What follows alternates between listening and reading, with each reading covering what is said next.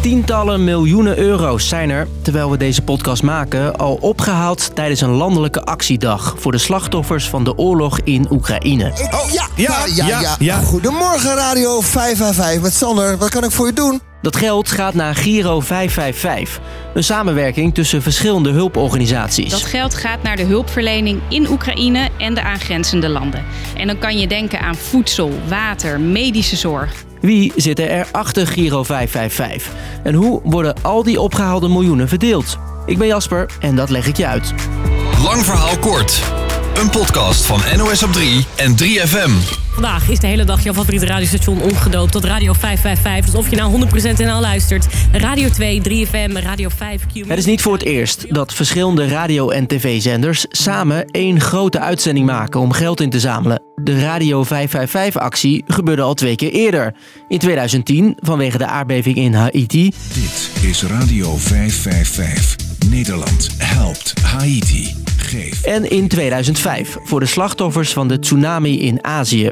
De eerste actie was bijna 40 jaar geleden. Toen om geld in te zamelen voor de hongersnood in Afrika. Die honger die zich in dit continent voltrekt, ziet u hier achter mij. Afrika, het land of het werelddeel waar we ons deze dag voor gaan inspannen. Inmiddels zijn er al bijna 50 acties georganiseerd. Maar niet iedere keer was er ook een landelijke actiedag met gezamenlijke tv- of radio-uitzendingen.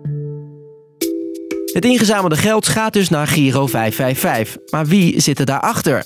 Dat vroeg ik aan Iris van Dijnsen. Zij werkt normaal voor het Rode Kruis, maar nu even voor Giro 555. Achter Giro 555 zitten elf grote hulporganisaties. Dan kan je denken aan het Rode Kruis, aan UNICEF, aan Save the Children. Elf hulporganisaties die altijd hulp bieden in dit soort rampsituaties. Deze elf organisaties zitten samen in een stichting. Bij een grote ramp gaan hulpverleners meteen naar het gebied toe om te helpen. En ondertussen kijkt de stichting of er ook een gezamenlijke actie nodig is. Daarvoor zijn een aantal voorwaarden. Bijvoorbeeld de grootte van de ramp, vertelt Iris. Een grote ramp is een ramp waarbij wij zien dat veel mensen getroffen worden door de situatie. En als we dan zien dat er een combinatie is dat mensen willen geven, dat er veel media-aandacht is en dat alle organisaties betrokken uh, bij Giro 555 hulp kunnen verlenen, dan gaan we in actie. De stichting achter Giro 555 overlegt niet alleen met de hulporganisaties. Ze vragen ook aan radio- en tv-zenders hoe zij kunnen helpen. Bijvoorbeeld door het uitzenden van reclames. Geef nu op giro555.nl. Of met een grote landelijke actiedag, zoals nu.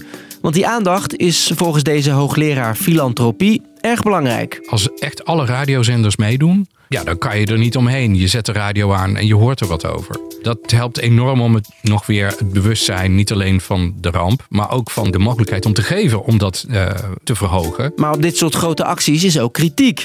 Zo doen er altijd veel BN'ers mee. Ik zeg goedemorgen met Martien Meilands en dan zijn ze even stil. En dan zeg ik, nou, jullie willen doneren. Je wilt doneren natuurlijk. Nou, dan ben ik hartstikke blij. Sommigen vinden dat zo'n actiedag te veel naar entertainment neigt. Doen die BN'ers dat nou omdat ze echt betrokken zijn bij die ramp? Of doen ze het voor hun eigen ijdelheid. Volgens de hoogleraar zijn BN'ers bij zo'n actie juist heel nuttig. Ja, natuurlijk helpt dat, want je identificeert je ermee. Dat is iemand die je leuk vindt. Of als die persoon deze actie aanprijst, ja, dan is het toch ook van ja, nou, als die er zich voor inzet, dan moet het wel goed zijn.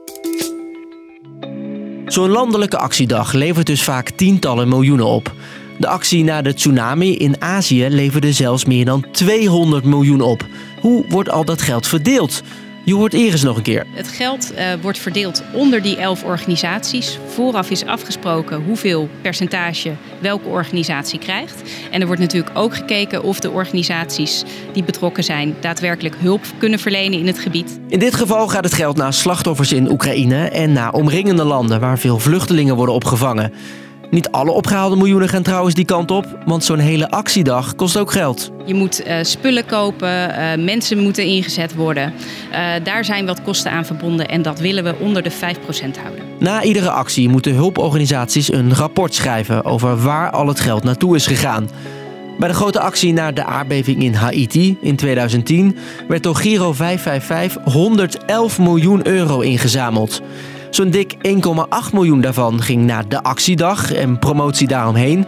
En nog eens dik 7 miljoen was nodig voor de organisatie van alle hulp.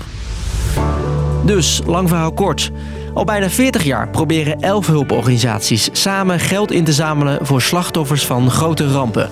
Soms organiseren ze een landelijke actiedag op radio en tv, zoals nu. Daarmee halen ze vaak tientallen miljoenen op voor slachtoffers. Maar een klein deel gebruiken ze ook om zo'n actie en de hulp te regelen. Was de podcast weer voor vandaag? Vergeet niet om elke werkdag rond 5 uur je podcast-app te checken, want dan staat er weer een nieuwe lang verhaal kort voor je klaar. Doei!